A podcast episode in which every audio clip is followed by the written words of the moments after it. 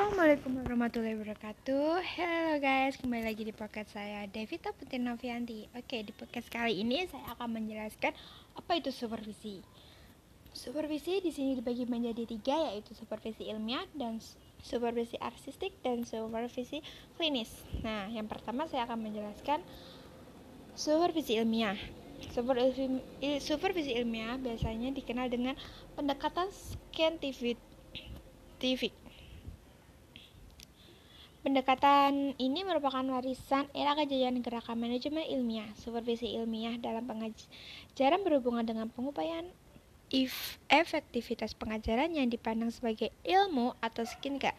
Oleh karena itu, perbaikan pengajaran dapat dilakukan dengan menggunakan metode-metode ilmiah. Indikator dari keberhasilan mengajar dapat dilihat dari komponen pembelajaran dan variabel proses belajar mengajar. Sehingga pusat perhatian pendekatan ilmiah ini lebih ditekankan pada pengembangan komponen pembelajaran secara keseluruhan. Supervisi ilmiah terkait era dalam dengan pembinaan guru dengan peningkatan kreativitas pengajaran. Tujuan dari supervisi ilmiah ini adalah sebagai upaya untuk membantu perkembangan murid melalui perkembangan guru, karena ini berkaitan dengan seluruh anak serta seluruh guru. Kepala sekolah harus mengenali dan memberikan tempat yang benar untuk kreativitas kerjasama dan demokratis. Tidak ada pertentangan antara konsep pengawasan kreatif, kooperatif, demokratif, dan ilmiah. Ada dua aspek yang perlu diperhatikan untuk pengembangan supervisi dengan pendekatan ilmiah antara lain. Satu, pengembangan dian diagnotis. Dua, pertumbuhan guru melalui pemikiran ilmiah formal. Ciri utama dari supervisi ini adalah rasional dan empirik, sedangkan karakteristiknya supervisi ini bersifat kelompok Tepatnya, supervisi ini bisa di sekolah waktu yang, dan waktu yang sudah ditentukan. Peserta pada umumnya terdiri di beberapa sekolah. Kelebihan dari supervisi ini antara lain satu peneliti tentang pembelajaran dipandang sebagai hal yang sangat penting berdasarkan temuan penelitian baik yang dilakukan secara mandiri oleh peneliti lain sehingga dapat diketahui mana pembelajaran yang efektif dan mana yang tidak. Dua, dengan adanya penelitian sehingga pemecahan masalah besar kemungkinan tepat sasaran dan tujuan. Sedangkan kekurangannya antara lain satu, jumlah pro proporsi yang dihasilkan relatif rendah dari yang dibutuhkan. Dua, peneliti lebih banyak menyalin dan mengkonfirmasi pengetahuan yang telah ada daripada menemukan dan menghasilkan yang baru. Tiga, peneliti tidak menemukan problema kelas secara menyeluruh. Empat, banyak teman ilmiah yang mengemukakan konsep pengajaran yang efektif dengan ukuran yang berbeda-beda. Oke, selanjutnya saya akan membahas supervisi artistik. Supervisi artistik biasanya dikenal dengan pendekatan artistik. Pendekatan artistik dalam supervisi pengajaran adalah suatu pendekatan yang menyadarkan pada kepekaan, persepsi, dan pengetahuan supervisor sebagai sarana untuk mengapresiasikan kejadian-kejadian pembelajaran-pembelajaran yang bersifat subtle atau halus dan sangat bermakna di dalam kelas. Pendekatan artistik ini mencoba menempatkan supervisor sebagai instrumen observasi untuk mendapatkan data dalam rangka mengambil langkah-langkah supervisi. Jadi dari pendekatan supervisi artistik ini yang pertama, menurut perhatian terhadap karakter, ekspresi, tentang peristiwa pembelajaran yang terjadi. Kedua, memerlukan ahli seni dalam pendidikan yang dapat melihat sesuatu yang subtle, halus, lembut, dan untuk menjangkaunya perlu dengan rasa dalam pembelajaran. Tiga, mengapresiasi setiap kontribusi unit para guru yang disupervisi terhadap pengembangan siswa. Empat, menaruh perhatian dan kehidupan kelas secara keseluruhan. Lima, memerlukan hubungan yang baik dan menyenangkan antara supervisor dan guru. 6.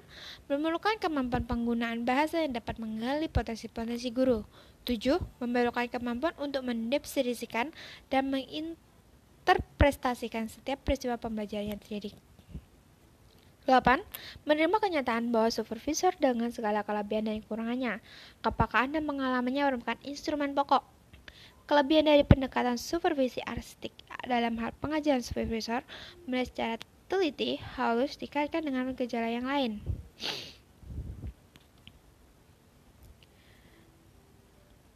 Dan kelemahan dari pendekatan supervisi artistik ini adalah tidak semua supervisor mampu mengapresiasikan fenomena secara tepat, mungkin dari segi waktu juga agak lama ya.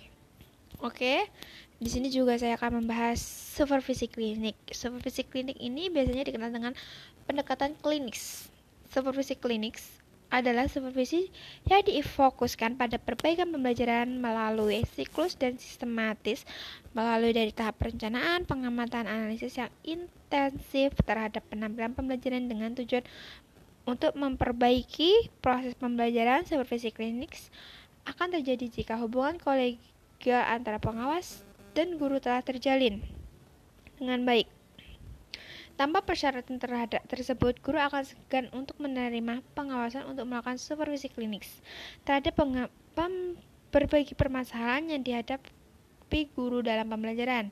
Selain itu, keberhasilan supervisi klinis juga akan sangat tergantung pada sejauh mana pengawasan memberikan bimbingan sesuai kemampuan profesional yang dimiliki dan sejauh mana guru secara terbuka melaksanakan bimbingan yang telah diberikan oleh pengawas.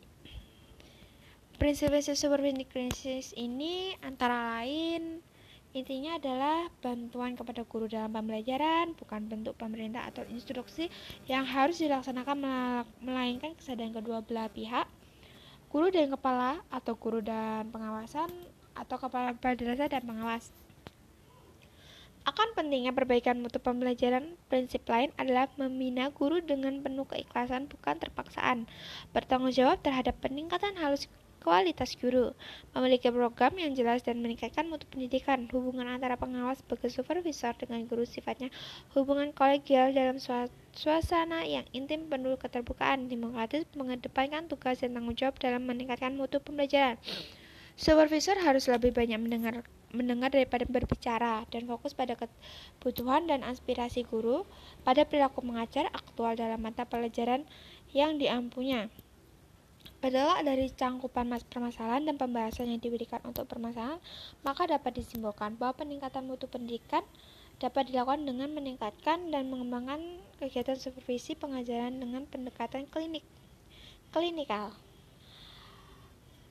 Pelaksanaan supervisi secara klinik yang baik oleh supervisor sesuai dengan siklus atau langkah-langkah yang ada serta didukung pengetahuan dan pemahaman yang baik tentang ciri-ciri dan prinsip-prinsip supervisi. Klinik akan dapat meningkatkan mutu dan profesionalitas pembelajaran guru. Keberhasilan supervisi klinik sangat dipengaruhi pula oleh adanya iklim kerja dan kondusif antara supervisor dan guru yang dan iklim kerja sekolah. Karena itu, keterbukaan, rasa saling bertanggung jawab, saling percaya, dan kesadaran untuk memajukan mutu pembelajaran harus ada dalam ada dan dimiliki bersama oleh guru, kepala sekolah, dan supervisi. Oke, sekian podcast dari saya. Wassalamualaikum warahmatullahi wabarakatuh.